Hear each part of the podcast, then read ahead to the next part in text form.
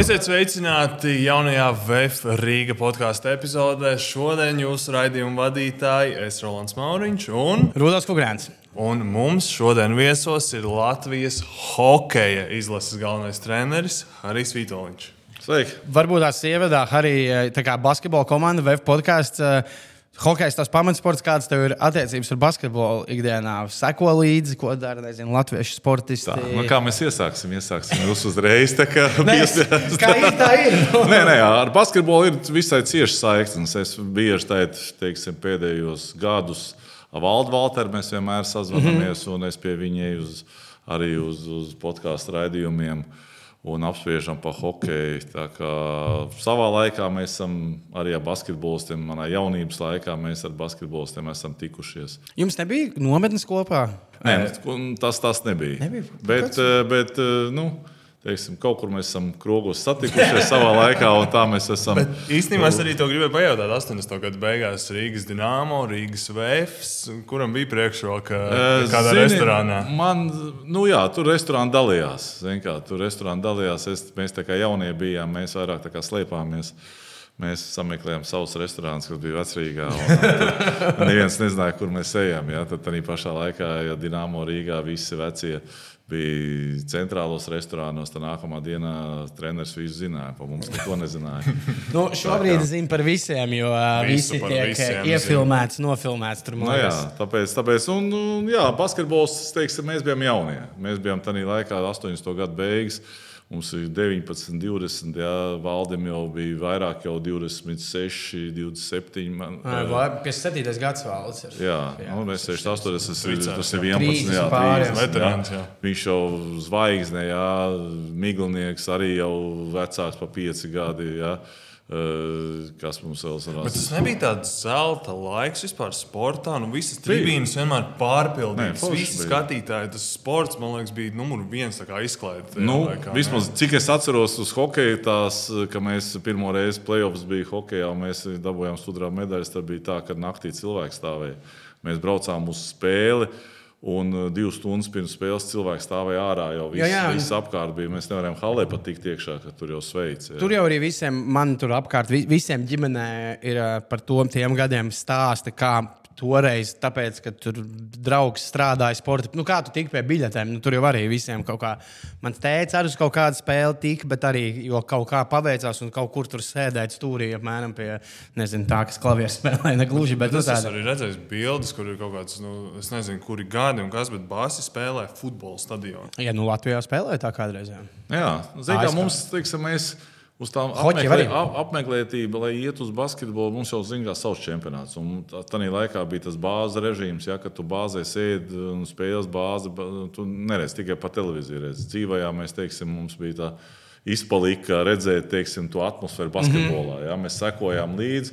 Zinājām, ka tur valsts pārstāv izlasi, ja, pārdzīvojām. Ja, un, Bet arī pašā laikā dzīvē mums re- reti izdevās, jo, jo mums bija savs grafiks, laikam viņiem savs. Es nezinu, kā viņiem ar tām bāzēm mums bija tāds striktais bāzu režīms. Bija. Ja mēs vēl ejam pa tiem 80. ā, Wild, Wild 80.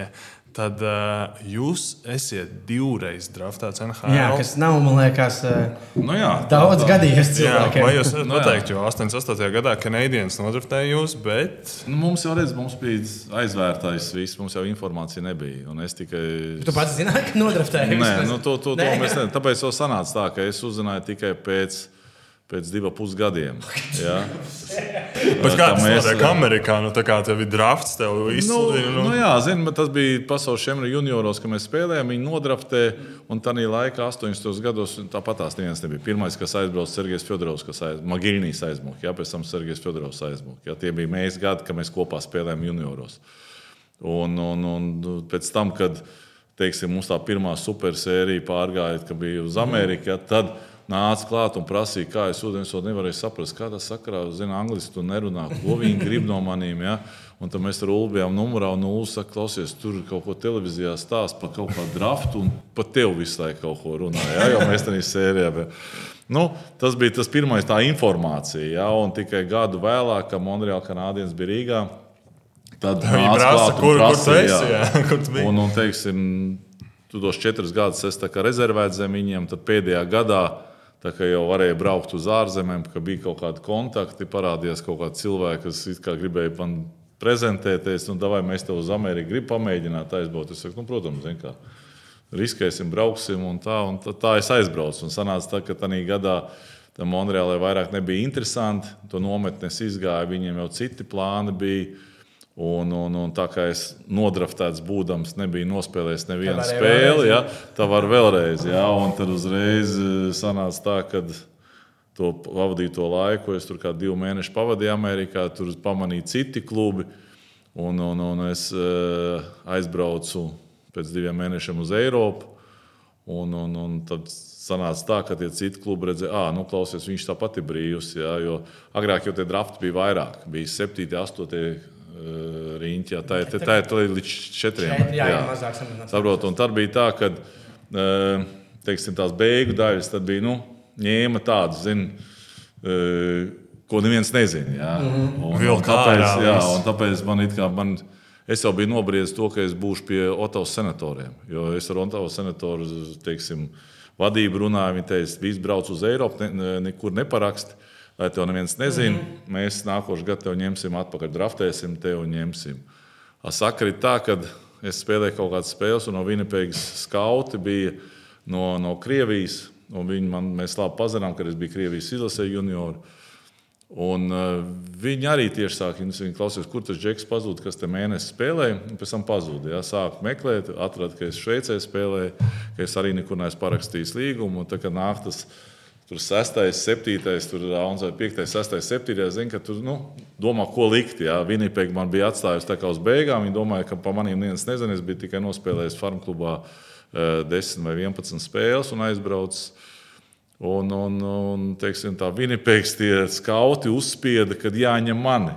Un sanāca tā, ka pirms Otavas paņēma Vinipēgu. Un, tad, un tad, kad man zvanīja, es biju pārliecināts, ka es braucu uz Otavu, jo es jau sapazinies ar, ar latviešiem, kas tur dzīvo. Viņi teica, mēs tev palīdzēsim sameklēt tur dzīvokli. Vienalga. Es jau kā biju iepazinis ar pilsētu, es ar visām domām dzīvoju, ka es braukšu uz turieni. Un pēkšņi man aģents zvanīja, ka, nu, tev nodraftēja otru reizi. Es saku, nu, jā, mēs jau tā bijām plānojuši, saku, bet tikai ne Oto, bet Vinipēku. Un tam man vispār ir, kā, kādā sakarā Vinipēku. Viņš saka, jā, Ot, Vinipēku nodraftēja tev, nu, braucam uz Vinipēku. Bet, jā. bet NHL tas ir kaut kāds cits zvērs vispār no NHL hokeja līmenis. Nu, kā tev no spēlētāja perspektīvas? Protams, jā, tas ir savādāk. Nu, katram katru gadu savādāk, ja mēs tā skatāmies, mēs redzam tie ātrumi. Agrāk varbūt bija spēks spēle vairāk, jā, vairāk ņēma lielāka auguma, ja, kas grūst. Bet NBA jau arī agrāk varēja, var, varēja tie, teiksim, noraidījumi nebija. Ja tu varēji āķēt, turēt, tu varēji kaut kur izlikt. Tā ir pa, pa bloķēšanu, mazākā bloķēšana. Es esmu mācīts, ka es ja maz biju, ja mums mācīja spēku paņēmienu, piemēram, aizsardzībā, ja tu spēlē noķert uz dibena, lai tu tās dzirnaviņas uzmet. Ja, pretiem. tā ir tas nav iespējams. Ja, tas ir uzreiz tas ir bloķēšana un divas minūtes. Bet, es gribu par šo pajautāt. Es kaut kad gatavoties šim, klausījos kaut kādu arī, man liekas, ka visticamāk arī pie Valda Valtera, jo, diemžēl, man liekas, viņa neviens cits nekur neaicina. Gunters Pasta saka, ka viņam šis hokejs pat vairs neliekas smūgs. Nu, kā, ko tur, tur kādreiz tur grūstījās? Tā. Es kaut kā atkal tam nepiekrītu, jo es, piemēram, kad es tajā vieplējā, kur rāda NHL, šādi uzslēdzu, nu, man varbūt pat atkal patīk, jo tur tu vienkārši vari nereāli abrīnot to nu, kā tā ripa pielīp, cik ātri viņi no viņas atbrīvojas, cik viņa ātri skrien. Es nevaru teikt, ka šis ir baigi nesmukāk, ir citādāk, bet man liekas, ir, ir jā, baudām. es, es arī piekrītu, ir citādāk. Ir baudāmāks šis jā, man liekas, pat ir baudāmāks. Viņš ir jā. tehniski baudāmāks, tur redzi smukākas kombinācijas, tur redzi smukākas piespēles, mm. Jo vairāk nav atļautā rupjība, vairāk, un tā, tās rupjības pazūd tā kvalitāte. Ja? Jo tu vienmēr biji tādā stresa stāvoklī, ka tu vienmēr domāji, ka tik man kāds neiesit. Ja? Ka es, tā tu zini, ka viņš to nedrīkst darīt, ka tās ir divas minūtes. Agrāk tu nebija pārliecināts, vai tev dos vai nedos divas.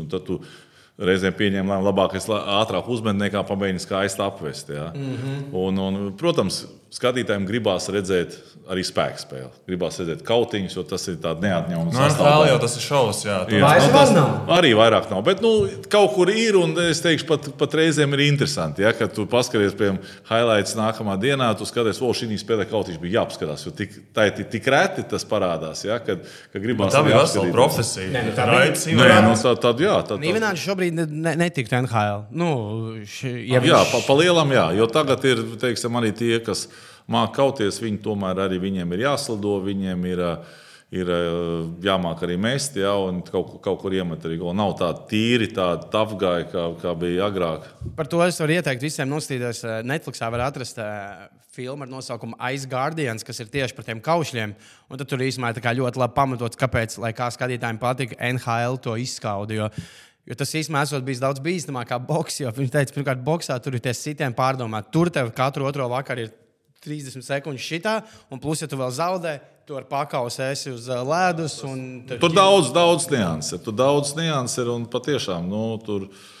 Tur piemēram, tas pats raids, jā, viņš arī beidza. Jā. nokautēja jau un, un visu. Un gadu, es- gadu, gadu nevarēja attiekt pēc tā. It Es kā, atceros it kā liekas, viens sitiens, jā, bet nu, tu trāpi tā, tu vēl krīti pret ledu atsities. Un, un, Viņam Viņš tam ņēma, jā, viņam bija nu, tā, kā tā sēja, kas kādreiz ir kaut kādā UFC. Viņam bija nu, tā sēja, ka es redzēju to, nu, tur varēja tos jau tādā highlights redzēt, ka viņam, tur redzēja, ka viņam acis pēc acīm, viņš nav vispār šajā pasaulē. Tas- tas ir. Bet, ja, mē, ja mēs pār- pārējām, tagad atļaušos pārvirzīt šo sarunu citā gultnē, kas uh, pamudināja kļūt par hokeja treneri? Vai tā bija tāda spēles izpratne, jau kā spēlētājs jau tu biji? Jau Kā vienmēr, man bija tā, ka vai man tā bija vienmēr interesēja, kā teiksim, kombinacionālais hokejs. Ja? Man interesē, kā varētu apspēlēt, kā varētu iet. Un, teiksim, mums uh, agrāk, teiksim, lai cik saka, treneri bijušie, ja mēs tur taktiski kaut kādā strādājam. Nu, Nebija tā kā tagad. Ja, ja es tā paskatos tās ierakstu spēles no 80 gadiem, ja, tad nu, Nu, tad bija tas tur, gu, gu, Tur guņas, tas mums, hokejs. mums, tā, mums tā taktika sevišķi nebija. Ja? Tā kā kaut kā pie tā mēs tajā laikā arī likās strādājām, ja? bet tik konkrēti nebija. Un, un pat treneris, teiksim, man sakrita tā, ka man bija. Es varēju izlemt tālāk, man bija piedāvāja vēl gadu spēlēt tur citā klubā, vai tur, tas ir, jā, it kā uz Vāciju piedāvāja. Mm. Un palikt Šveicē, un tā pašā klubā, kur es biju, bērnu jaunas hokeja skolēni teica, klausies, varbūt tās tu gribi beigt ar hokeju. Zin, kā, jo man bija visai traumas, ceļš sāpēja, jo bija ceļš bija tā, ka. Nu, Teiksim, es vairāk nevarēju. Ja, un viss ārstēs, ja ir iespējams beigt, labāk beidz. Jo, jo kā piemērs, teiksim, nu, kortizona, tie, kas zina, kortizona drīkst špricēt no divas reizes gadā. Ja.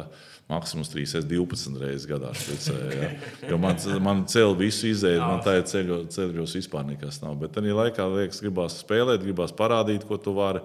Un tad tu to veselību nobīdi otrā plānā. Ja. Un, teiksim, Nu, citi atkal veselība liek pirmā. Ja? Kā es teicu, arī visiem saku, liekiet, tomēr veselību, jo jums beigās pēc tam ir jādzīvot tālāk. Mm. Teiksim, man mazliet diskomforts ir ar tiem ceļiem. Un, un, un... Jā, starp citu, to nesen arī salokot ar basketbolu. Šitais, tam, uh, Dirks Novīts, teica, ka viņš ļoti, ļoti nožēlo, ka viņš nebeidz divus gadus ātrāk karjeru. Viņš teica, ka man tagad ir grūti ar dēliem uh, futeni uzspēlēt. Ja viņam tad, kad pirms divus gadus pirms viņš beidza ka Moška beidz, viņš tomēr izvēlējās palikt un vēl divus gadus nospēlēt. Viņš teica, ka viņš, tas ir lēmums, ko viņš nožēlo. Jā, tieši tā, man arī ir futbols, es baidos spēlēt. Jā. It kā gribās, bet es baidos, ka man kaut kādā mirklī var vienkārši pagriezt kāju, man neizturēt. Jā, jo man ir krustsaites, plēsts, meniski plēsti, skrimšana nav, caurums kaulā. Nu, tur vairāk, vairāk nav nekā ir kaut kas. Jā, jo tā kā es aizbraucu uz Vāciju, es gribēju, domāju, nu, beidz spēlēt, varbūt savest sev kārtībā. Tad doktori teica, Vācijā, teica, ka viņš teica, nu, nav jēgas kaut ko taisīt. Viņš saka, tev tur saudzes, viss ir krustām šķērs. Viņš saka, nu, labāk tad likt mākslīgo locītu vai nu staigāt, cik tu ilgi varēsi, un tad kaut kad, kad tu vairāk nevarēsi paiet, nāc pie mums. Bet tagad, protams, tā situācija ir labāka, jo vienkārši nu, tagad tomēr arī tas, ka katram tajos treniņos pieiet individuāli. Jums jau tomēr, laikam, tur tajā Nu, skandālā tagad, tagad, tagad, tagad ir pirmkārt ekipējums. Nu, arī, ekipējums, ekipējums. Un tagad, teiksim, ja man būtu vēlreiz jāsāk no sākuma, es varbūt tā sāktu uzreiz ar ceļsargiem, ar tām protēzēm. Mm. -hmm. Agrāk jau protēzes bija kaut kas. Pēc traumas tad uh, orto, orto, ortopēdi taisīja paši lēji. Ja vēl tādā laikā nebija produkcijā tādas. Teiksim, 90. Tagad jau gados. var. Tagad tu vari iet jebkurā veikalā, pasakot, man vajag tur plānu protēzi, kaut arī man viss kā es gat- vesels ir, ja es aizēju, uzlieku un spēlēju, tu jau viņas nejūti. Mazliet resnāks var būt cels tev, ja tā protēze, pa virs kāja aizsargs, un tad tev nu, masīvāk tā kā izskatās. Bet eh, es zinu, ka daudz vienkārši automātiski ņem protēzes, liek un spēlē, jo tas tev apdrošināšana. apdroš. Jā, un tad tu, tad tu komfortabli jūties. Jā, jo agrākos laikos tās protēzes bija smagas, jā, viņas bija lielas, jā, tu nevarēji viņas ielocīt. un Tad tev diskomforts bija. Jā, viņa likās vienkārši smagāk, vienlēm. Tad, nu, tas bija tas. Tad tagad es saku, ka viss ir vienkāršāk un, un tu vari sekot savu veselību arī līdzi. Es tad, eh, ja pieskārāmies Šveicē, pirms mēs noteikti runāsim arī par Latvijas izlases un laikiem, gan kad tu spēlē, gan trenē. Man par Šveici tas interesē. Tu esi daudz nospēlējis Šveicē, arī nostrādājis kā treneris arī ar bērniem. Nu, tas tas jautājums, laikam, neviens cits nevar labāk atbildēt, vai, nu, kā Šveice ir aizgājusi priekšā šobrīd. eh, Ejošākais Eiropas turnīrs, ko rāda arī šeit, pat Latvijā, GO3, kurš var skatīties playoffs. Tajos laikos mēs bijām priekšā pēc Šveicē. Mēs, mēs A grupā tikām neļaujot tikt eh, Šveicē. Vai tad, kad tu spēlēji, tur, tur jau varēja redzēt kaut kādas tās iezīmes, lietas, ko viņi ir ilgtermiņā plānojuši darīt?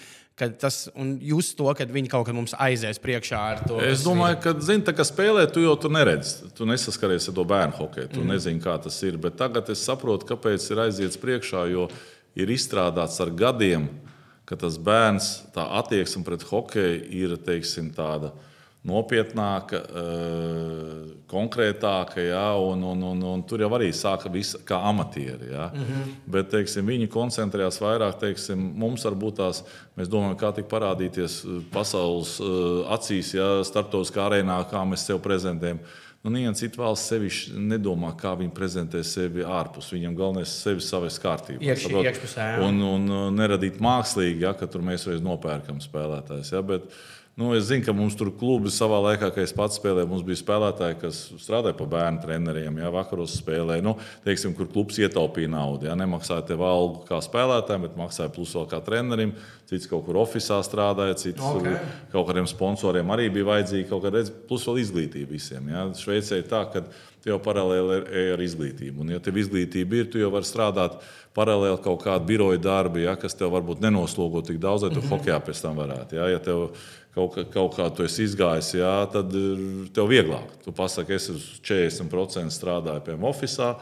Un, un 60% strādāja hokeja vai 30%. Ja es tajā brīdī jūtos fiziski labs, es paņemu 30% tur, un tu uzreiz vari variēt to algu. Tev nav tā, ka tu tikai hokejs un tikai no turienes dabūni. Ja?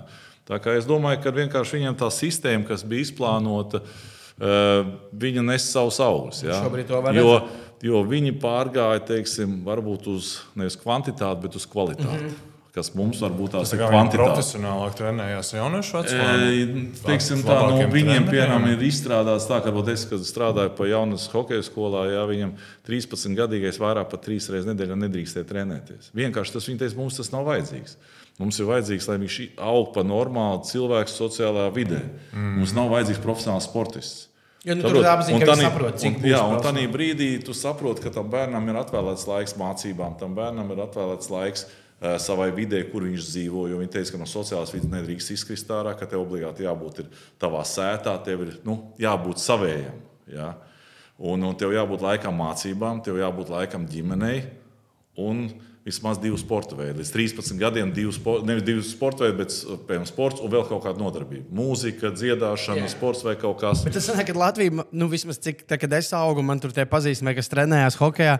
Tad Latvijā būtībā pat mazliet notika tiešām tas otrādais. Jo, kad tu trenējies hokeja, tad tie tika ielikti hokeja klasē. Jūs projām un Nenormāli treniņā. hokeju. Es atceros arī vienu, viņš vienkārši dragā Jā. tikai. Nē, nu, tagad jau arī tādā veidā, Šveicē arī viņš jau tik tālu ir aizgājis, ir veidojis spēcklases, mm -hmm. jā, ir sporta skolas, bet arī tie rīta papildu treniņi. Ja tev tāpatās, piemēram, ir ieplānoti tur trīs treniņi, piemēram, tur 13 gadīgiem, jā, bet ja tu ej sporta skolā, tad dabūni trīs papildus treniņus, mm -hmm. kas ir iekļauts arī sporta programmā. Jā, nu, tas ir tā kā tu esi tā privileģija tev sešas. Bet tas jā. arī sākot kaut kādam vecumam noteikti. E, nu, tur ir ieplānots, tur katrs vecuma grupa ir ieplānota attiecīgi, cik ir ieteicams trenēties. Mm. Ja? Lai tu ļautu tam bērnam to kvalitāti izstrādāt. Un pie mums, piemēram, ja tu trenējies, es tev, nu, ja tu trenējies 6 reizes 13 gadīgs, ja? kā tu viņu vari sodīt? Nu? Ja tu pateiksi, pateiksi par sliktām atzīmēm, par sliktu skolu, tu netrenēsies. Viņš Varbūt pēc mēneša viņš priecīgs, ka tu viņu noņem no skatu. Viņam katra, katra, katra diena nav jāiet. Ja? Ja un viņš, no un viņš jau jūt, un viņam pazūd tā deksme par to hokeju. Viņš vienu gadu, divus, trīs. Viņam nekas nemainās. Viņš kā 13 gados sāka sešreiz trenēties. Tā 17 gados sešreiz trenējās. Ja? Tur ir teiksim, tā, ka tu, tev ļaus saprast, ja? ka tu tanī trīs. Tā pieliek četras reizes, tā pieliek piecas. Ja, ja tu kaut kur atpaliec mācībās, ja tur piemēram, mums bija klubā, ja, ka mēs varējām viņu ne, neļaut trenēties. Ja, mēs sakām, tur izlaidi, ja, kamēr atzīmes nebūs. Viņš saprot, ka viņam dodas trīs reizes, un no tām viena tiek atņemta. Ja, viņš jau to uztver tik nopietni. Ja, ja tev sešas reizes un viena atņemta, tad tu priecājies. Nu, jā, tā ir. Saprot, un tur ir, tur ir tā, tā sistēma, kas, kas uh, apiet. Ja, un, kad tu pienāc pie tā 18 gadiem, kas sākās pasaules čempionātā, ja, tad tas bērns ir audzis ar tādu simtprocentīgu atdevi, ar simtprocentīgu koncentrāciju, plus vēl viņš ir iegūmis izglītību, un viņš saprot, ko viņš grib dzīvē. Ja, tad mums ir, varbūt, tās, mums ir varbūt tā, mums ir cilvēki, bērni uzreiz uziet augšā. Līdz tiem 18 mēs jau apspēlējam. Ja tā paskatās, ja, man liekas, tas Rīgas kausa tā iet. Ja. Mm -hmm. Mēs jau labi izskatāmies. Mums jau tie U13, U14. Jā. Bet pēc Viņi jau, tam viņi jau labi, bet pēc tam viņš, viņš ir noēdies. Ja. Viņš ir noēdies jau ar to visu. Un, un, Un tev nedrīkst būt, ka tev 15 gados ir kā veterānam hockey. Nu jā, saprotu, mums te es dzirdu, ka tie vecāki lielās, ot, mans dēls tur 15 gados jau 70 spēles nospēlējis. Tad man uzdod, gribās uzdot jautājumu, ko jūs gribat, ka viņš 20 gados, 120 spēles. Nu, zini kā, un tu- tur ir tas jautājums, uz ko jūs tiecaties, kur jūs forsējat tos bērnus. Ja? Jo, mu, lai kāda mums bija savā laikā sistēma, es, kad spēlēju jauniešu hokeja, es nekad nespēlēju par gadu vecākiem. Es spēlēju par savu gadu, un es esmu spēlējis. Latvijā visos Mums vienmēr bija izteikti. pa savu gadu. A, tagad kaut kā tā tieksme gribās forsēt, forsēt ātrāk. Šitiem te nav ko darīt, viņiem jāspēlē pie, pie tā. Saprot, Neviens jau nesaprot, ka tu zaudē līderu, teiksim, to, to līderu pozīciju, jo tu savā vecuma grupā, ja tu esi labākais, tu esi līderis. Tu zini, kā tas ir. Nu, stundas tu meklē, varbūt tev viegli ir. Ja? Bet tu esi visu laiku sajūties, ka tu esi atbildīgs par kaut ko. Tu uzēji gadu vecāku vai pie divu gadu vecākiem. Tu esi jaunākais. Tu varbūt tāpat iemet vienu, tu neiemet trīs, mm. iemet viens. Un visi priecājas, wow, jaunais katrā spēlē met iekšā. Viņš arī priecājās. Bet viņš tā kā otrā plāna spēlētājs. Mm. Viņam nav tā atbildība. Ja zaudē, nu man ir 15 vecāki, ja, kuriem kur, kuri vairāk pie tā vainīgi, un mani nekad neaiztiks. Un viņš aug tādās siltumnīcās, tādās situācijā, ja, ka viņam atbildība nav, viņš spēlē, un tu jau nezini iekšēji, kā tas ir. Es zinu, ka savā laikā, kad es spēlēju, kad tev jāspēlē piemēram, kaut kāda draudzības spēle pret gadu vecākiem, negribās spēlēt, jo tu zini, viņš ir spēcīgs, viņam ķermenis būs spēcīgs, viņam lielāks. Tur ir baigi izteikti, jau uzreiz kā divu gadu iekšēji, vecāks, tu jau- iekšēji neviens nesaprot, kā tas bērns iekšēji mm -hmm. domā. Viņš varbūt neizrāda. Jā, viņš iziet spēlē, viņš Nu, aizmūž iemet. Jā, saprot, bet iekšēji varbūt viņam nemaz tas prieks nav. Mm. Un, ja visu gadus tu visu laiku spied uz augšu, un, un, un pēdējais es uzskatu tā traumatisms. Paskaties, cik daudz mums bērnu tie, kas tiek forsēti viņa traumām. Tā basketbolā ir milzīga problēma. Jo, jo tur jau nevajag uh, rupjību. Vienkārši, ja viens ir piemēram, 15 gadīgais, kurš ir lielāks izdevies pret 13 gadīgo, ko pacēla augšā, viņš saskrienās kaut kur bortā. Plus vēl mums tie borti nav joprojām.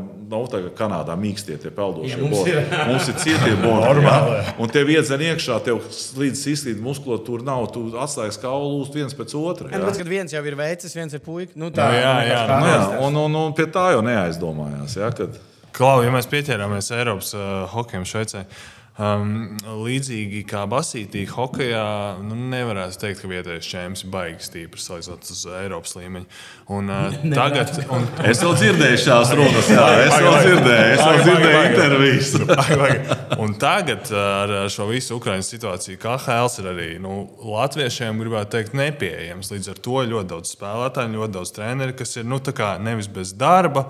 Bet viņiem jāmeklē cita tagad alternatīva. Un kas ir tā labākā alternatīva, tavuprāt, tagad? Piemēram, Zemgals piemērs ir diezgan labs, kur viņa aizgāja Somiju. Piemēram. Nu, Nu, jā, nu, tur Bet, ir, piemēram, teiksim, tas ir pirmais treneriem. gads, jā, tas ir tāds pārmaiņu gads, kur, kur vispār saprast, kurā virzienā iet. Jā.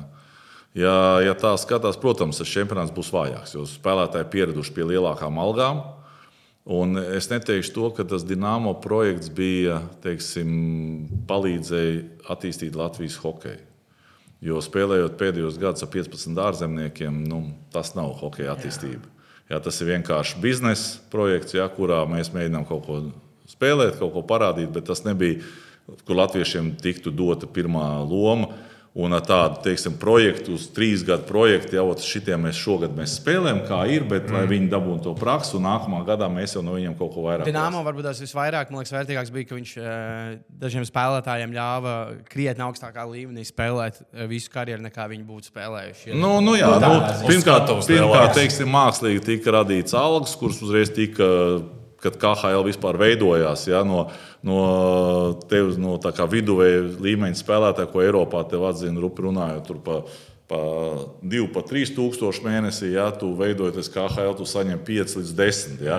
Pavasarī tu nogulni, neko nedari, un tavs līmenis dubultīgi cēlies. Ja. Tas tā samākslot tika izdarīts, un, un, un pēc tam, protams, kad izjūg, tu jau pierod pie tās naudas, mm. un tu sāc meklēt. Kaut arī tavs līmenis jau arī, tu jau spēlē, tas līmenis kā HL jau labs, ja. tu jau kaut kādu līmeni tu pievelc klāt. Un tāpēc eh, šis ir tāds gads, kad grūti ir sameklēt pēc tam tev attiecīgi pēc tās naudas, ko esi bijis Eiropā. Ja tev pirmkārt sanāk solis atpakaļ, iet un vēl solis atpakaļ ejot. Tev jāsaprot, tomēr, ka tur arī ir prasības, ja, ka tur nav tik viegli tikt. Un, kā mēs redzam, mums tie spēlētāji arī cīnās par to izdzīvošanu. Nav tā, ka visiem iet uh, baigi labi, ka viņš tur nospēlēs KHL. Viņš, jo tas līmenis, teiksim, tās runas vairāk ir, es domāju, teiksim, jo tur, ja tev labi maksā, tu vienmēr teiksi, ka tur labi. Mm labs līmenis, labs ir. Bet teiksim, tas līmenis visur bija vienāds. Maz, ja? Un, ja tu pārēji no turienes, nav tā, ka tu pārāk esi citos, citās līgās. Jā, tās pārējās līnijas arī spēlē labu hokeju. Un tāpēc arī tā ir tas pārmaiņu gads, kad uh, spēlētājiem nu, vajag sevi parādīt, prezentēt Eiropā, parādīt sevi. Un, un, un, jā, un mēģināt cīnīties, dabūt jaunus līgumus. Un, teiksim, zemgalē nu, tas vismaz labi ir, kad ir ir teiksim, jauniem, kas, kas vēl netiek nekur, ja, ka viņi var tomēr attiecīgā līmenī mēģināt spēlēt. Varbūt skāda mazliet ir teiksim, Latvijas čempionātam, ja, ka viena komanda tiek izcelta. Dubultīgi. Ja, viņi spēlē Latvijas čempionātā, jau tur, un pēc tam tu nu, konkurences ziņā, ja tā paskarās visu pēc visa, pēc treniņa grafika, pēc, pēc alga, pēc visa, nu, nu, nav apvienojams. Ja, tur tas, ka tā ir intriga, teiksim, ir finālā, tas jau vien jau nu, tas tāds mazs brīnums ir. Ja? Mm -hmm. Tā kā pie tās pozīcijas, es domāju, es neesmu, es tā kā teiksim, vispusīgi varu pateikt, ja? ka vajadzētu kaut ko mainīt, lai radītu vietējo čempionātu interesantāku. Kā to radīt, kā to mainīt? Vienkārši kā piemēri, ja, ja tā zemgala būtu teiksim, neitrāla Latvijas komanda. Ja, Tā, piemēram, pirms fināla vai, vai pēdējās dienas, ka katra komanda, kas tiek piemēram, pusfinālā Latvijas, ir, var dabūt, teiksim, piemēram, drafta kārtā, to var izvēlēties to zemgālu. Saprot, kaut kā, lai tu izlīdzinātu tos zemgāliešus. Nu, kā piemērs, es vienkārši saku, lai, lai būtu interesantāks tas tas, tas vietējiešiem, jo mums jau tomēr, es uzskatu, ja tev būs labs savs čempionāts, tad arī produkcija sāks rasties. Tad ne, nemūks projām. Ja tas vietējais čempionāts ir tādā līmenī, ka tev, teiksim, eh, mūsu veterāni, tie, kas ir nospēlējuši pie 40 gadiem, joprojām ir skaitās labākie, ja, tad tas līmenis kaut kur nu, neatkarīgs. Tur tāda ir. Tur tāda ir Saprot, nu, jā, un tāpēc kaut, kaut kas jāpamaina. Es, es vienkārši saku, tā. Nu, es vienkārši tā, tās manas domas, ja, ka kaut kādu sistēmu vajadzētu izdomāt nopietnāk piesaisties, kā Latvijas hokeju popularizēt. Nevis kā piemēram dot iespēju tur jaunajam caur zemgalu dabūt kaut ko. Nu, viņš tāpat, ja tā paskatāmies, nu, gads pagājis reāli, tur viens, divi, un viņi tāpat, varbūt ar cerībām, tāpat uz Ameriku ir mhm. aizbraukt. Tad, tad mums jārada tā, lai vietējais čempionāts būtu interesantāks. Tā pieredze, protams, ir vajadzīga. Tas Somijas līmenis, es skatījos, tas Mestis līga, ir, protams, tur ir labs no, hokejs, ātrs un viss. Un, bet, eh, teiksim, tā ideja forša. Bet man liekas, viņi vajadzētu kaut kā apstrādāt izpildījumu savā. Nu, pirmais, gads, pirmais gads ir vēl divi gadi, laikam. Man liekas, jā, vēl jā, līgums, jā, jā. tur vēl viss mainījās. Nu, ķeramies klāt izlases laikiem. Vēl nē, vēl nē, vēl, vēl nē. Okay, vēl nē. Uh, Vēfrīga basketbola klubs. Uh, es pats esmu arī daudz ah, izbraukājies okay, līdzi uz, uz, uz Krieviju. Uh, Vēf spēlēja VTB līgā. Un VTB līga bija īpatnēja ar to, ka bija baigi grūti tādai komandai kā Vēfs un vidusmēra komandām aizķerties un vinnēt to spēcīgo piecinieku, kas bija CSK, Lokomotīva, Uniks. Mm. Jūs savukārt esat bijis tieši, jūs esat trenējis Sanktpēterburgas skābi atkal, jūs esat bijis tajā otrā pusē. Un kādi ir tādā klubā lielākie izaicinājumi? Jo pīķis visticamāk nav problēma. Spēlētājs savākt vari. Tur ir teiksim, vairāk psiholoģisks darbs. Ja? Ne tik daudz, varbūt treniņa. Tā, tur ir tev pareizi sabalansēt, pareizi tikt ar tām zvaigznēm galā, lai katrs būtu apmierināts ar to, kāds viņš ir. Mm. Pareizi viņus noskaņot, dot viņiem motivāciju. Ja? Un, un, un, un teiksim, nu, teiksim, vārdiem. Varētu. Tas, tas kas tieši, tieši NHL, ja mēs skatāmies NHL, tad treneri ir kā psihologi, viņi ir augsts līmeņi. Ja? Kā treneri paši, ja? tur daudzi, kas vispār savā karjerā profesionāli nav spēlējuši. Tā ir vienīgā valsts, teiksim, kuros treneri nav profesionāli spēlētāji bijuši. Ja, ja ņem Eiropas valsts, katrs treneris, kurš trenē Eiropas valstīs top līgās, viņš ir bijušais hokejs. Vai tad Julijs Šuplers bija bijis hokejs? Zini, tu man te tā iedzini, es pēc tam nemanīju. Man liekas, ka viņam tur bija stāsts, ka man liekas, nē, nu, nē, nu, protams, ir. Ir arī ir Kurts Lindstrēms, kas bija Latvijas izlasē treneris, jā, viņš arī nav bijis. Jā. Uh, bet, jā, to man liekas, arī piemērs ir. To jau, man liekas, visi teica tajos laikos par Tedu Nolanu nu, kad, nu, kad viņš bija Latvijā, viņš bija foršs un viss jau man liekas, teica, ka nu, viņš ļoti labi runā, ģērbtais, viņš ļoti labi, bet neviens neteica, ka nu, jā, viņš tur izdomāja, kā mēs. Nu, kā vienkārši viņš bija. Nē, nu, tas, tas, es saku, Amerikā tur vairāk balstās uz to, kā tu māki motivēt. Ja tu paklausies kaut kā, kad izliek kaut kur YouTube, ja treneru runas, viss, tur nav pat taktika absolūti nekas. Ja. Un es esmu spēlējis pie kanādiešu treneriem. Jā, man, es esmu Šveicē bijis izīrēts uz citu klubu. Es aizbraucu kanādiešu treneriem. Nu, kā tu redzi, kas man jādara. Viņš to viņš skatās. Viņš, un galvenais uz priekšu un atpakaļ. un tad tu apmēram tu domā, nu, nu jā, tu apmēram pats, pats saproti, kā tas ir. Man vienkārši no tevis vajag simtprocentīgi gadevu, ka tu uz abiem galiem skrieni turp un atpakaļ. Jā. Nu, teiksim tādi. Tā kā, tur ir, bet viņi kā motivatori, kā psihologi, viņi, mm. viņi ļoti spēcīgi. Un tas, var, tas pat rāda, ka tas varbūt pat kaut kur ir vajadzīgāks. Uh, nekā varbūt tev tās saprāšana. Kaut arī tur asistenti dara to tā, kā mēs ar Oļegu bijām. Jā, Oļegs bija labs motivators, un es mēģināju arī mm. laikā iedziļināties tieši taktiskajā zīmējumā, lai, lai, lai, lai varētu kaut ko teiksim, taktiski apspēlēt. Um. Nu, izlasi. Tu biji izsalcis par izlasi. Es esmu izsalcis par izlasi. Runāt, tu tuvojās čempionāts, tuvojās mājas čempionāts. Es teiktu, ka otrais īstais mājas čempionāts jau laikam, kad visi to pirms diviem gadiem, kas bija. Nē, nu, trešais, ja skaits astoņu gadu. Nu, à, nē, jā, jā, ja skaits viss trīs. Nē, nu, es, es 2021. 21. gads nāk, nu, tas bija tas Covid čempionāts, tur īstā skatītāja nebija. Un... Es, ja godīgi aizmirst par to nu, čempionātu. Man te Covid gada vispār ir tā, ka nekas nav noticis. Jā, es, nu, kā, nu, tur nebija fani. Tur nebija, mm, jā, jā, tas tāds. Nu, ne. Ne. Bet tagad būs fani, un es gribu atcerēties, es gribu paprasīt, kāda tajos laikos bija sajūta. Jo nu, tagad tomēr ir hokeja izlase, ir basketbola izlase, ir diezgan audzis arī tas, kā cilvēki iet un fano kopēstiski arī par futbola izlasi. Kāda bija tie laikā spēlētājiem Latvijas izlasē? Es kā bērns būdams, es atceros jūs kā rokzvaigznes. Nu, es atceros, ka toreiz. Uh, Stācijā braucām uh, sagaidīt, laikam tas bija pēc tam Sanktpēterburgas čempionāta. Nu, tur tas, tas bija pēdējā reize, kad Latvijā bija tas, tas bars, kā tagad rāda, ka tur Golden State izcīnīja NBA titulu. Viņam tur visa pilsēta vai Spānijā, visa Barcelona. Kā bija tajos laikos būt izlases spēlē? Tas bija tā, ka tur veikalā iedeva arī pavēlti kaut ko vai bārā dzērienu. Nu, teiksim tā, nu bija tā, ka, ja tu, ja tu labi nospēlēji, labs čempionāts, protams, pēc tās reizes, pēc tam, Pēt, pēc tam Pēterburgas, jā, bija daudz tādas momenti, ja, kad tu kaut kur ieeji, pasaki, nevajag neko maksāt, lūdzu, tikai, zini, esiet šeit. Ja. Bet atkal tādā pašā laikā, ja tu slikti nospēlēji, bija tā, ka tu liekas, kaut kur bijis tā, ka pārkāp sodi, ja policija aptur. Viņš saka, ja jūs būtu vinnējuši, es nebūtu sodīts. bet tagad tu dabūsi sodu. Ja? Kaut kā iet kā jāsoda normāli, vienalga, bet agrāk jau bija tā, ka varēja palaist garām tev. Ja? Bet, nu, kā, tas bija uz abām pusēm. Ja tavs, ja tev, teiksim, labi nospēlēji, kaut kādas privilēģijas bija, viennozīmīgi atpazina. Un tādā laikā redz, nu, mēs bijām visi tāpatās, mēs bijām pārzemēm. Tas, kas apmēram tagad. Ja, un, un tādā brīdī, kad tu atbrauc atpakaļ, tu vairāk nedomā, cik kaut ko nopelnīt, ko tu, tu gribēji vienkārši izbaudīt. Mm -hmm. To, kad šeit spēj tas Rīgas dīnāmo projekts bija tomēr nu, kaut kāda puse, bija tāpatās šeit spēlēja. Ja, nu, viņam no, tas čempionāts jau, ja sākumā bija pozitīvi, tad beigās jau likās, nu, viņi visi ir vērts. pie tām savām tā ir. tribīnēm, Tā ir. ja? Tā ir varbūt tās atkal mēs atgriežamies uz to iepriekšējo, ja, kad visi puiši, tie, kas ir ārzemēs, tā ir, ja, viņi sabrauc atpakaļ.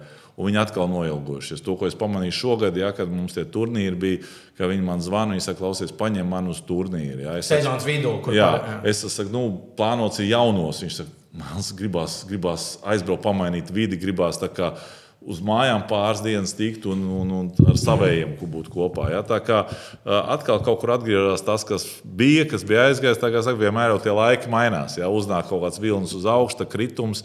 Es ceru, ka tā atkal būs tāds pacēlums un, un, un ka vismaz motivācija puišiem ir liela spēlēt. Starp citu, man liekas, ka tas varbūt tās, es ceru, ka tas atsauksies arī uz faniem. Jo man liekas, ka ar faniem jau tas arī bija līdzīgi, ja tu tad gaidīji to čempionātu pavasarī. Un, Krāja naudu, un vienalga ķēlne, Austrija, nu, braucam uz čempionātu. Tad man liekas, ka tajos dīnāmo gados tomēr bija. Nu, tu gāji visu gadu skatīties to Nu, jā, tu to hokeju. hokeju esi pieredzējis. Jā, jā. un cik tur sanāca 30 mājas spēles sezonā. tā vai man braukt tagad tur uz Austriju, Dāniju, dārgi maksāt, arī nē. Un tad man liekas, arī Tas nopirkt. ir tad tie, tas, tas, tas, tas negatīvais, jā, jo tu visu vienlaicīgi, teiksim, mums jau cilvēkiem arī nu, teiksim, tas vidējās algas un tas būtu augstāks, ja, tad arī varbūt attieksme būs. Mm. Tomēr cilvēks jau plāno, tā kā ir pasaules čempionāts. Es tā dzirdēju, ka tās biļetes arī kā pērk, bet ar tādu teiksim, atskatu, Nu, jo, kā es- būs. Jo, jo tu jau nezini, kas tev pēc mēneša, ja? kā, kā tu Protams. pēc mēneša dzīvos un kas tev būs. Jo es domāju, to, ko uz hokeju grib iet, es domāju, daudzi grib, visi labprāt ietu, ja? bet tajā brīdī viņam liekas, ka man pa dārgu tā biļete. Pēc mēneša, zin kā, laiks samainās, saule spīd, foršs silts, mūzika skan kaut kur ārā, zin, kaut kāda, kaut kāda reklāma ir, jā, tur alus bāri, jā, vienalga. Tu uzreiz domā, nē, nu, tomēr es aiziešu. Zini, es, man ir atlikts mazliet malā, nu, strunta, ne, nebraukšu kaut kur. Ne, ne, nebraukšu kaut kur citur, aiziešu uz hokeju. Sapratu, tā vide jau arī reizēm, kad tu pelēks un lietus līst, un tagad tāds sniegs, sniegs. Nu, kāds vēl hokejs? Zini, es domāju, mājās sēžu, zinu, un skatos pa televizoru un nekā, nekā ej kaut kur, kaut kur augstumā. Starp citu, es zinu, ko pamanīju, ka, kas strādāja, jo nu, tās biļetes cenas, par ko daudz tagad gan sāk dot visādas atlaides, uh, nu, kad dārgākas kā Helsinku grupā, kas, nu, ir, protams, jokaini. Bet es sapratu, kas, ka, kad pēc tam trīs saliņiem, kā es esmu nostrādājis, kā Bet tu reklāmas. zini, Helsinku grupā, kāpēc Helsinku grupā ir Nu, lētāk? tāpēc, ka tur ir 17,000 halu. Tāpēc, ka tur ir uh, valsts neņem nodokli. Neņem nodokli. O, Nu, jā. Un o. plus, bet man liekas, arī mums, mums prasa, saprot, Nu, jā. ja mums nākt valsts pretīm, un tā kā Somijā, saprot, būtu uzreiz savs izmaiņas. Nu, plus jau man liekas, arī ietekmē tas, ka mums laikam pēc visiem tiem. Uh, Ko tur vajag uh, o- nu, oficiāliem pārstāvjiem? Spēle tirgošanā var likt tikai 7000 biļetes arēnā. Arī. Nu, nu, tas arī, jā, bet, Bet, nu, jā. kopumā, ka nāk kaut kur. Bet tātad, es gribēju pastāstīt, kas strādāja. Es pašā čempionātā, jo man bija tā, ka 2008. gadā mans tēvs man nopirka biļeti uz hokeju. Tad es domāju, ka rekur tagad nu, es esmu pieaudzis, es atdodu atpakaļ, nopērku. Iekars, iekars, iekars. Nē, un zini, kas ir nostrādājis pēc tam trīs saliņiem? Man kaut kāda čomi, kas bija izdomājuši, ka kā, mēs satiekamies viņa tā, jūs kāds iesiet hokeju, jo es neiešu, es tik dārgi nemaksāšu. Un es pasaku, nu jā, es nopirku biļetes, un tad tiem čomiem tāds, vai tu nopirki? Ja?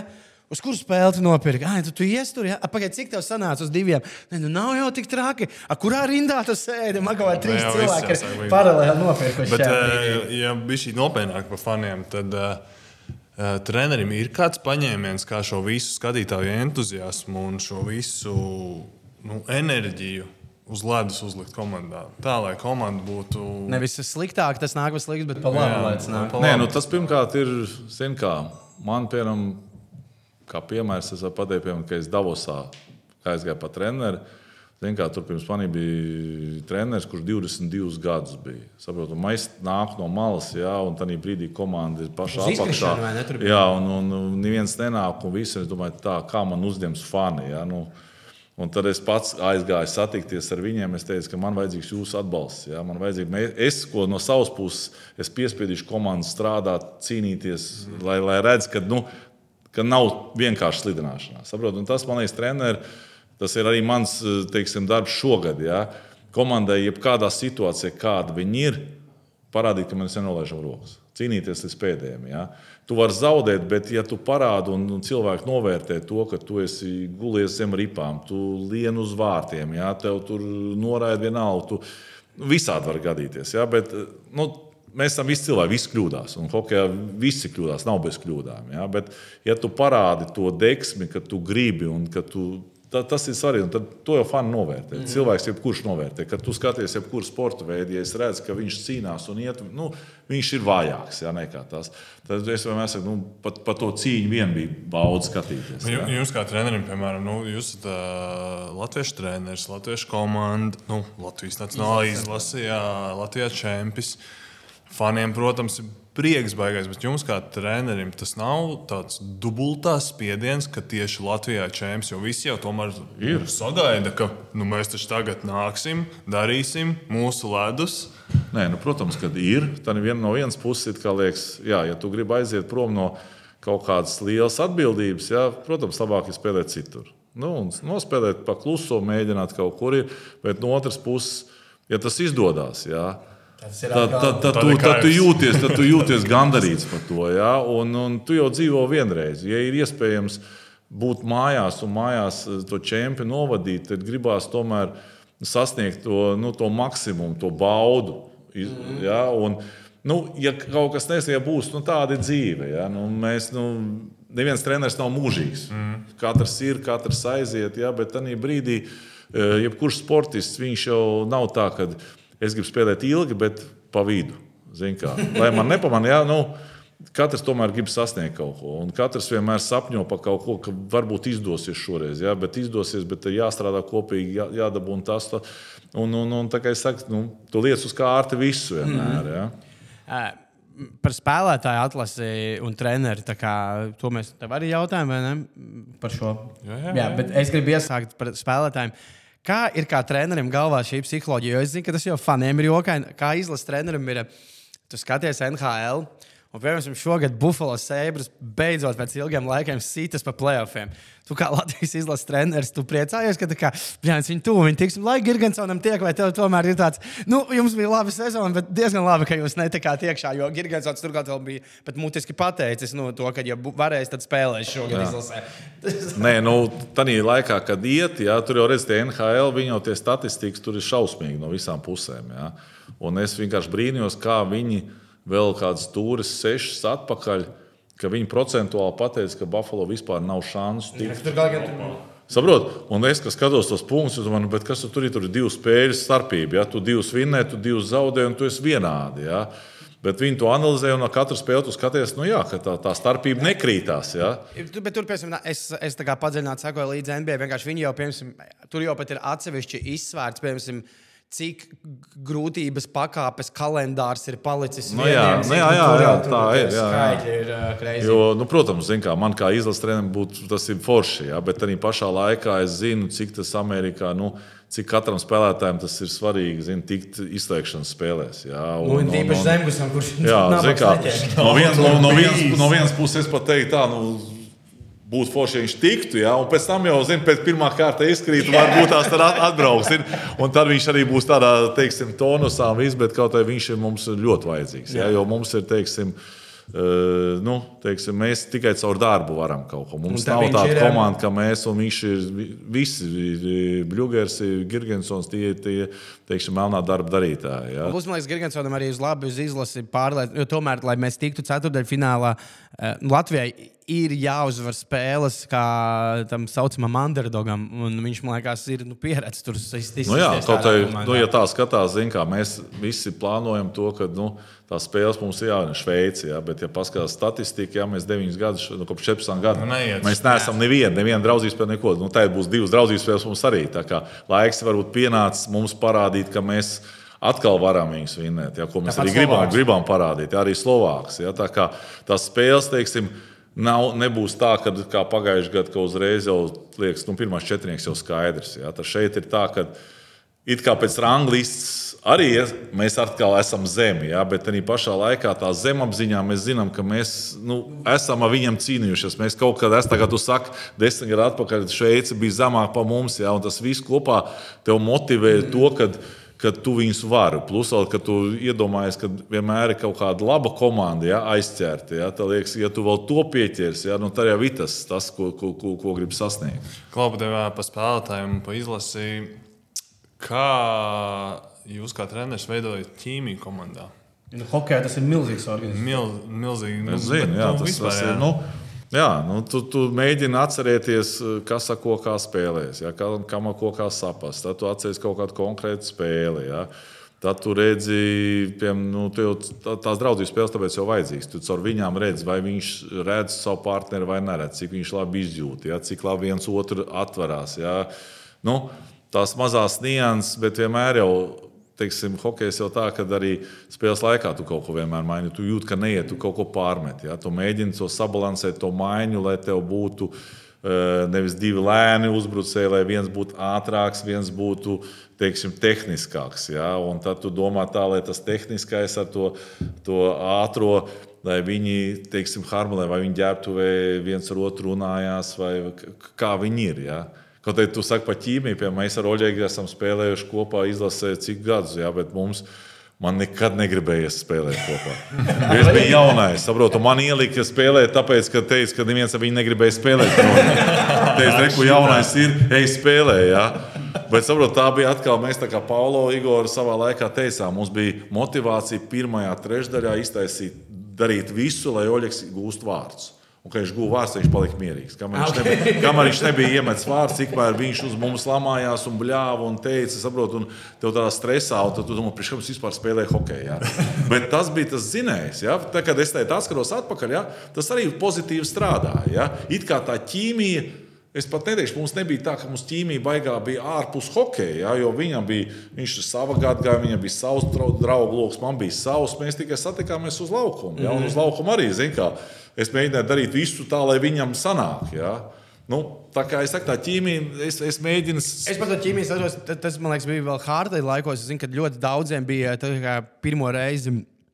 Man liekas, Rahards Marēns paņēma čempionu. Nu, daudz tur mēdījos runāja, ka viens viņš ir no trešās divīzijas koledžas, un tad pēc tam tur Mogo labi, tur bija nāmo četras spēles, bet, nu, viņi paņēma izlasē, un viņš tur beigās, man liekas, čempions gan vārds iesiet, gan tur viņu visu laiku rādīja, kā viņš tur baķu pagrūž vai ko. Nu, Kad viņš laikam vienkārši derēja, kā tāds. Nu, ir katrā, katrā čempionā kāds vienmēr ir vajadzīgs. Ir vajadzīgs cilvēks, teiksim, uh, to komandu, kad tu lasi kopā, tu nevari salasīt tikai labākos un ielikt viņu, piemēram, labāko ceturtā maiņā. Nu, viņš nav ceturtās maiņas spēlētājs. Saprot?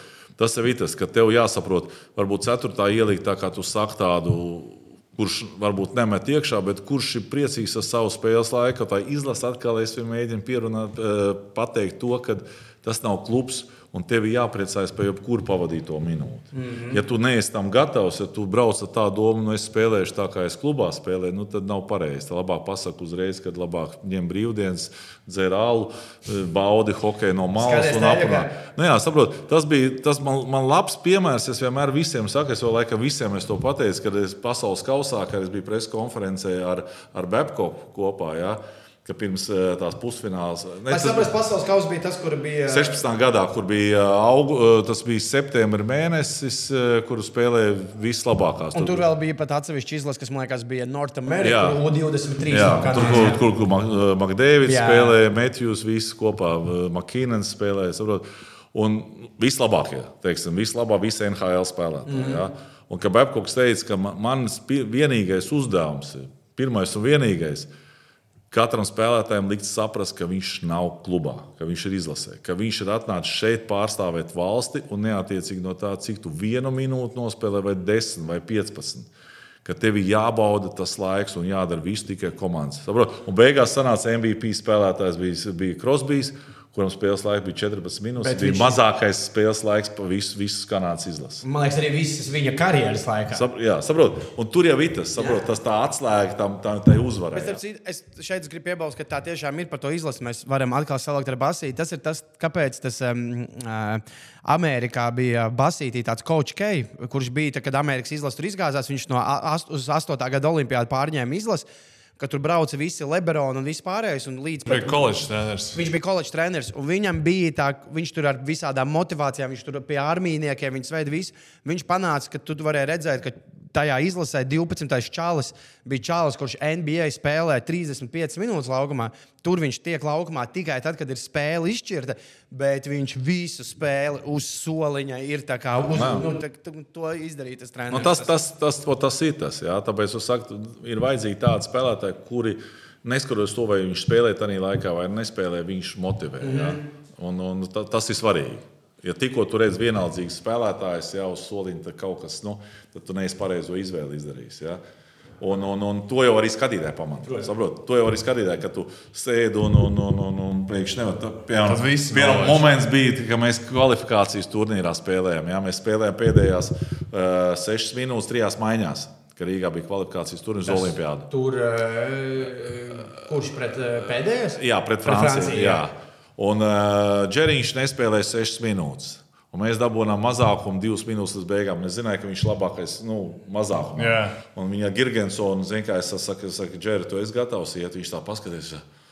Un tad brīdī tu lasi acīs, viņš saka, grib pateikt, man tas es taču neesmu, man ir augsts kājas, es vispār neesmu. Un tad arī pašā laikā viņš zina, ka nu, man uzticās. Un viņš tās, "Ā, Jā, kā. un tu izēji ārā, un es viņu noturēju divas minūtes uz lauka. Man liekas, viņam tās divas minūtes bija tā kā, tā kā citam visa spēle nospēlēta. Man liekas, viņš pēc tam bija vienkārši beigts. Jā. Es savā laikā zinu, ka mani, mani mums jaunos šitā te mācīja. Ka mēs vēl nevis Dienāmo, bet Latvijas bērnā bija tā kā otrā komanda. Ja, mēs braucām pirmie gadi, 17 gadīgi līdzi. Mēs visu spēli nespēlējām. Komanda 3-2 veda rezultātā un paliek minūte līdz beigām, un treneris pasakā, jaunietai uz laukumu. Es saku, tu ko dari? Zini, tu līdās ielaidīsi, ko tie viņi ielaidīs, tad jūs varat ar viņiem darīt. Tā ko darīt, gribat. Saprot, un tu izēj ārā, tu redz, ka tur nosvīduši veči sēž, un tu saki, nedod Dievs, tu, nenogulsies zem ripām vai kaut ko zaudēsi. Ja? Un tu tu tās 40 sekundes nospēlē tā, ka tu būtu it kā visu spēli nospēlējis. Tu atnāc, aizdelsies un domā, kas beidzot vismaz noturējām. Ja? Un, un, un, un, tas ir tas rakstura teiksim, mm -hmm. audzināšana. Ja? Daudzi jau saka, tas, tas, tas raksturs tas ir, tas ir svarīgāks nekā, nekā tava tehniskā. Teiksim, meistarība reizēm. Ja? Nu, bieži ir, kad ja ir divi čaļi ar nu, vienādu tehnisko meistarību. Nu, tad jau Nu, tur viss kopā. Zin, kā, tu skaties, cik psiholoģiski viņš spēj, cik viņš komunikabls komandā. Ja? Nu, tur ir vairāk faktori. Ja? Piemēram, tagad arī, ja tu skaties, kā komandas izvēlās piemēram, spēlētājs, ja? Tad pirmais jautājums, kāds viņš ir kā cilvēks. Mm. Pirmais jautājums, nevis tā, kā, kā, kāds viņš ir kā, kā Ot, Piemēram, bet, piemēram tā kā pasakā, kā cilvēks, cik jums, kā trenerim, ir svarīga disciplīna? Tas arī svarīgi. Ja? Tas ļoti Jā, svarīgi. jā, protams. Spēlētāji dzīvo viesnīcā, gaidāmajā čempionātā. čem- visi jā, mēs, mēs, jā. Protams, ja būs tur kaut kāds divas dienas brīvs, un pēc spēles tu zini, ka nākamā dienā tev pēcpusdienā ir treniņš. Turpat veči, mēs dzīvojam mājās, varat aizbraukt pie ģimenēm un tā. Bet, bet kopumā mēs dzīvojam tieši šādos pašos noteikumos, kā visas komandas. Jo es atceros, bija kaut kāds vīģis, kur, nu, zināmā mērā, nu, pasaules čempions tomēr ir nu, tā kā vasara pēc sezonas, visi atbrauc. Visi jau grib arī šī pati sēdēt. Bija kaut kāds vīģis, kur pastrānāks bija kaut kāda čehu izlase. Četros no rīta Twitterī ielika to video. Jā, bet tad viņš nākamajā spēlē dabūja 2 plus 2. Jā, Katram jā. ir savs. Nē, nu, protams, zin, kā, tur, tas ir. Tas ir nu, grib, gribās to kontrolēt. Viņš to... uzstādīja, Lelīt, viņš tur- uzstādīja tajā bārā alus, to tur rekordu rēķinām. Tagad. Tas ir mums jā, jā, tuvojamies beigām, jo jāskrien skatīties. Šodien ir Latvijas čempionāta finālā sastā spēle. Kurš jūs, es gribēju pajautāt, ka uz tādiem mums būs tas komandas jautājums, kas jūsu laikos komandā, kad tu spēlēji Latvijas izlasē, kurš Latvijas izlases hokejs bija, nu, kā varētu teikt, Tagad varbūt tās pēdējos gados ir Marenis, nu, kurš Marenis tiešām vienmēr, kad pirms komandas iziet laukumā, tur redz, viņš ir tas, kurš uzkliedz visiem, iegrūž, sorry, piedodiet, ja. iegrūž, eh, tur uzkliedz, kurš bija tajos, tajā izlasē, kas bija tie rokstāri. Kurš mums, kurš mums darīja to? Jā, Jā. Nu? Uh, Zini, kā tu man te tā saki. Viskaļākie, nu, teiksim, ģērbtuve viskaļākie tomēr bija līderi. Jā, jo mums bija mazliet savādāk tā, tā viss. Tas, ja tu esi līderis, pirmās maiņās, tad tu arī mēģini būt arī ģērbtuvē. tur sāk bija tas- Mums, mums ne jau ģedušķina, bet mums bija, Jā, es mums bija mazliet savādāk. Tomēr tad arī tu attiecīgi līmenī labākā spēlē. Šeit ir, teiksim, tagad tas laiks ir iz, iz, izlīdzinājies. Ja? Tur arī ceturtās maiņas spēlētājs spēlē augstā līmenī. Ja? Un, un viņš ir tāds pats kā, kā, kā pirmās maiņas spēlētājs. Ja? Agrāk mums tomēr bija tā, ka tie ceturtā tomēr bija zemāki, viņi nebija tik augstu spēlējuši neviens. Un, Ok. un viņi arī mazāk kaut ko runāja. Teiksim, tai paši savā laikā Žoltoks bija uh, tas, kas ģērbtu vienmēr motivēja un vienmēr neapmienās. Bija Zdaroks, bija, saka, ja viņš nav iemetis golu, viņš vienmēr ārdījās. Ja? Tas bija. Nu, ne, ne tā, ka viņš uz laukuma tur grūda mugurā un kaut ko darīja, ja, bet viņš bija nu, tie, kas, tas, kas, mm -hmm. kas tev motivē, ja, kas tev visu laiku turēja stresa stāvokli un domāja, Vāns nedrīkst atslābt. Ja. Tā kā tajā laikā okay. bija mazliet tomēr tie vecie arī ņēma to. Mm -hmm. Kaut arī, ja paskatās, Rihards jau arī viņš jau nav nekāds jaunais. Ja. Kaut arī mēs, mēs pieņēmuši, ka viņš ir ceturtā maiņā. Ja. Pēc, liekas, gadiem, pēc gadiem viņam ir cik viņam 30. 30 nav vēl tu, tu, tu, viņš jau četrus gadus bija, neviens neskatījās, būsim godīgi, trešās divīzijas koledžas. Viņš vienkārši četrus gadus nebija. Nē. Nu, kā, Nē. jā.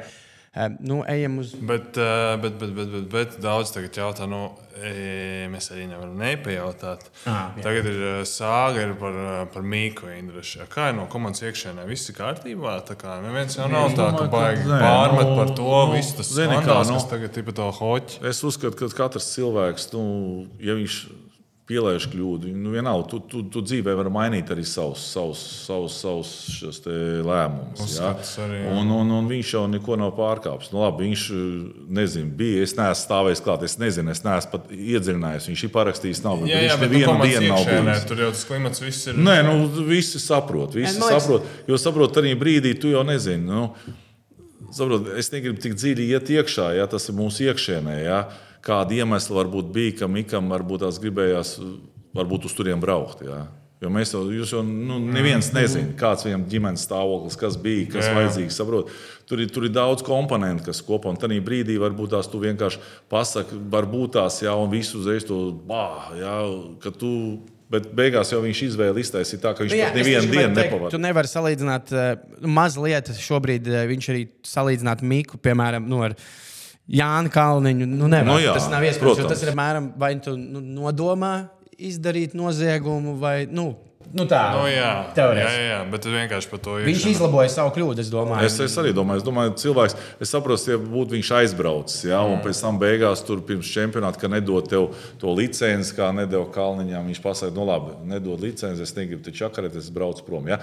Nu, tas ir savādāk, ja, bet jau uzreiz tajā brīdī.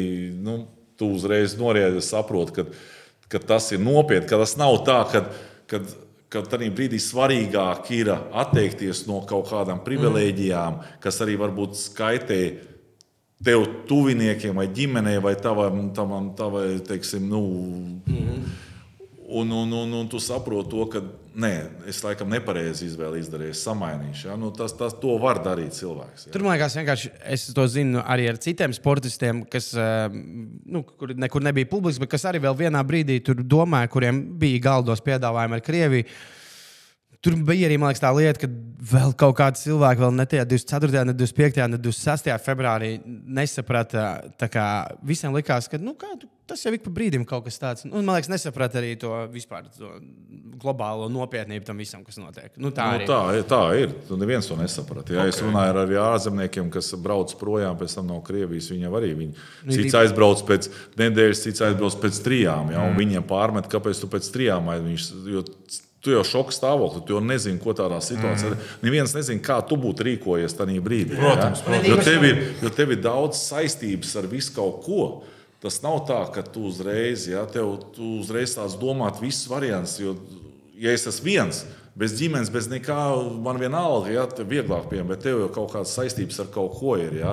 Juridiskas saistības, ja nav. Tev, tev to visu vajag laust kaut ko darīt. Un, un tāpat tās arī ir ārzemniekiem, ko es runāju, Somiem, Zviedriem, ja, kas bija. Viņi saka, mums tas tieši tas pats ir. Ja? Mm. Cits, cits, cits aizbrauc uzreiz pēc nedēļas, cits aizbrauc pēc divām nedēļām. Ja? Viņš saka, bet es, es zināju, ka es braukšu prom, bet man kaut kā vajag to visu cits lēnāk nokārtot, citam tur kaut ko tur zina, kaut kādas e, neļauj. Bet... Es jau arī zinu, ka tur mazliet ir. Es esmu kaut kādas intervijas ar basketbolistiem, gan uh, klausījies, gan arī, man liekas, hokeistiem. Tur jau mazliet bija arī atšķirības. Nu, kā, uh, bija kaut kādi klubu īpašnieki mazākumā, bet tādi, kas, tā kā, kuriem am, amerikāņu basketbols spēlēs, jūs iebrukāt, es braucu projām, un klubu īpašnieks teica, es saprotu, es tev laižu. Nu, kā, jā, bet bija jau arī stāsti, ka, bet vai brauc, bet tad tev būs tas, tas, un tāpēc bija kaut kādi cilvēki, kas nospēlēja to pirmo sezonu līdz beigām. Cits stāsts ir Piemēram, Hartels, Francūzs, kurš tagad aizbrauc spēlēt. Nē, neiet pat nemaz runa līdz sezonas beigām nospēlēt. Iet runa, ka cilvēki vienkārši, vienkārši ilgāk palika un pārtrauca. pārtrauca jā, pat jā, jā. tiem jau pārmet. Saprotiet, līdz sezonas beigām tas ir cits uzskats. Jā, tu tomēr nospēlēji. Nu, jā, jā, jā, jā, jā. jā. Bet tad, teiksim, tā, kad ir bija citi, kas vienkārši brauc dažādos laikos, Jā. jau viņiem pārmet par to, ka, kāpēc tas varēja atbraukt ātrāk un tu vēlāk, jo tu jau dažādās komandās, tur dažādas situācijas. Jā. Nu, katrā ziņā paldies Dievam, ka Mikls Indrišs vienalga, kas tur bija, bet ātri Ka saprata. viņš ir izlasējis un ka viņš Nē, spēlē. nu, Jā, pats- cīnās. Es teicu, es esmu Mikls runājis. Es teicu, ka es biju sezonas laikā pie viņa aizbraucis reizes skatīties. un Es, es teicu, ka tu esi viens no kandidātiem. un Viņš to saprot. Es teicu, ka es- spiediens ir uz viņu, spiediens ir uz manīm. Ja? Tā, tāpat tās, ja, es domāju, ka daudzi varbūt tās, kas joprojām negatīvi par to domā, ka Mikls ir piesaistīts. Mm. Tev, tev to nu, Viņam ir jāpierāda, man liekas, trīs, Protams, trīs reizes. viņam jāpierāda, ka viņš ir to pareizi izvēli izdarījis un ka es esmu pareizi izvēli izdarījis, iekļaujot viņu izlasē. Vismaz pagaidām viņš ir kandidātos, ka viņš Jā. jau pierādījis caur spēlēm, ka viņš ir noderīgs un vajadzīgs un ka viņš palīdzēs mums uzvarēt. Klau, pavisam īsi vēl pirms pašām, pašām beigām. Vēl viens jautājums, tāds, vai tu vari sniegt nelielu ievadu tādiem mūsu basketbola podkāstu klausītājiem, kas ar hokeju nav pavisam varbūt uz to. Eh, Kādas ir šīs gaidāmās izlases stiprās un vājās puses mūsējās, un kā izmantot stiprās, lai mazinātu šī to vājību? Mums stiprā puse nav tie vārdsargi. Nu, tā, Zini, kā, nu, jā, Čeki skatās, es domāju, es teikšu, pat kopumā stiprai pusē mums ir jābūt komandas garam. Ja, jo mēs individuāli nu, nevaram apspēlēt. Ja, jo mums, ja paskatās, jebkuru komandu, kur sabrauks, ja, katrai komandai būs vismaz 3 līdz 5 vairāk NHL spēlētāju. nu, no tām nu, neskaidrot. Jā, teiksim, līmeņi. Ja.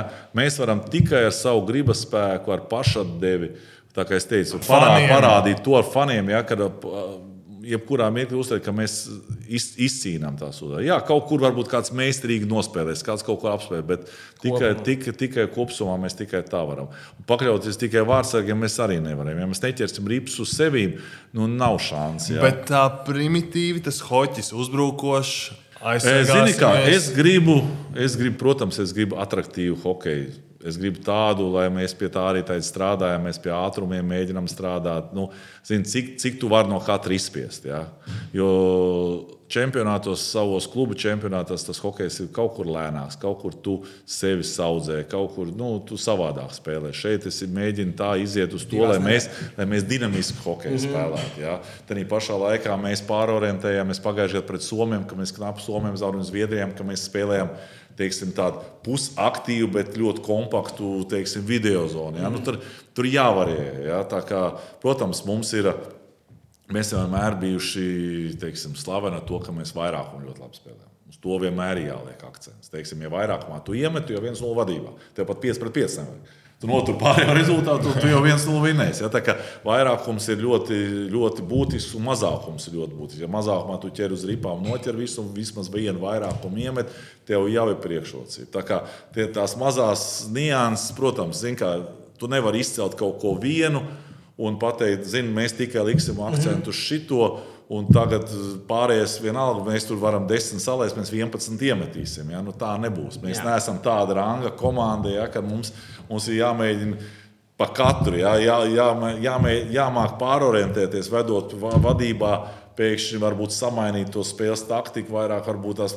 Vairāk aizsardzībā Jākapājas. un, nu, teiksim, tā, tā, tas ir tas. Ja? Un katrs treneris jau mēģina kaut ko pār, pār, pār, pamainīt attiecīgi pēc situācijas. Tur jau citreiz tu redzi, kad, kad spēlētājs visu viņš ir izlicies. Tur redzi, ka viņš nonāk malā, ka viņš knapi elpo, viņš vairāk nevar aktīvi hokeju paspēlēt. Ja? Tad tu saki, nu, varbūt tas autobusu. ejam, ejam uz pretuzbrukumiem. Ja? Tā kā, nu, Es saku, cik mēs mēģinām katram ielikt to bāzi iekšā, to izturības bāzi, to ātrumu bāzi, ja, bet eh, tas laiks jau arī nav tā, ka tu vari plānot un visi vienādos apstākļos. Jo citi atbrauc divas dienas atpakaļ, tagad tu saki, piemēram, Dauga viņš jau ir jau mēnesi. Ja. Viņš ir, Dauga, viņš ir atpūties, viņš ir motivēts, ar citu savu ābolu joprojām spēlē, ja mums uh, Girgensons viņš Forma atbrauc. jānovada. Viņam nav tās, tā pauze, teiksim, to nomest. Un atkal ar tādu mm. enerģiju, iet, jā, bet tu jau trenējies pēc viena, pēc Nu vienas stila. Jā, tā kā nu, grūti ir. Komandas jautājums. Jautājums no komandas. eh, Ir tāds No VF Rīga basketbola VF Rīga komandas. basketbola komandas. Ir tāds mīts, ka vārdsargi ir uh, arī kā cilvēki ļoti bieži tāda cita suga. Saudabīga ar saudabīgām kaut kādām raksturiezīmēm, uh, tradīcijām, maiticībām. Vai tā ir taisnība, ka vairums vārdsargi ir arī tādi, nezinu, vai nu vienpaši, vai tādā savā pasaulē bijuši? Tā, tā, tā, tā ir taisnība. Protams, ir. Jo, nu, ja tu Mīns padomā, cik reizes viņam ar to ripu trāpa to galvu, ja, tad tu savādāk uztver to pasauli. Ja. Tā kā vārdsargiem ir eh, nu, patiešām viņi, viņi, ir, viņi ir specifiski, viņi ir savādi.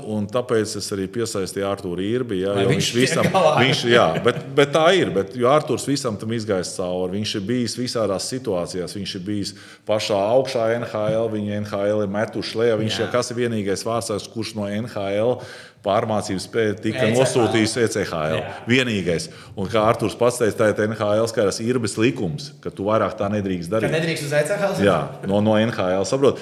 Tā kā viņš, viņš ir tas cilvēks, kurš var tos vārdsargus teiksim, motivēt. Jo mēs šī īsā brīdī mēs nevaram viņus pārmācīt nu, stilā. Bet mums vajadzīgs cilvēks, kas, kas iedvež viņiem, kā pareizi, kā pareizi uztvert, kā tādā brīdī domāt, ja tu ielaidi. un to. Tas ir, tas ir Arthurs Lauciņš, un es ceru, ka viņš ar to tiks ļoti labi galā. Nu, tad tas uz šīs nostājas arī Nu, tad eh, šodien beigas. novēlam ceturdaļu finālu un tajā skatāmies tālāk. Paldies! Tas būtu ideāli. Paldies, tas bija. Harijs Vitoļņš. Un, eh, nu, ko, darbie draugi, jums ir arī kas sakāms, droši iekomentējiet, nospiežiet laiku šim video, padalieties ar šo video, un tad skatāmies čempi un atbalstīsim Latvijas izlases gaidāmajā čempionātā. Paldies! Atā. Vislabāk!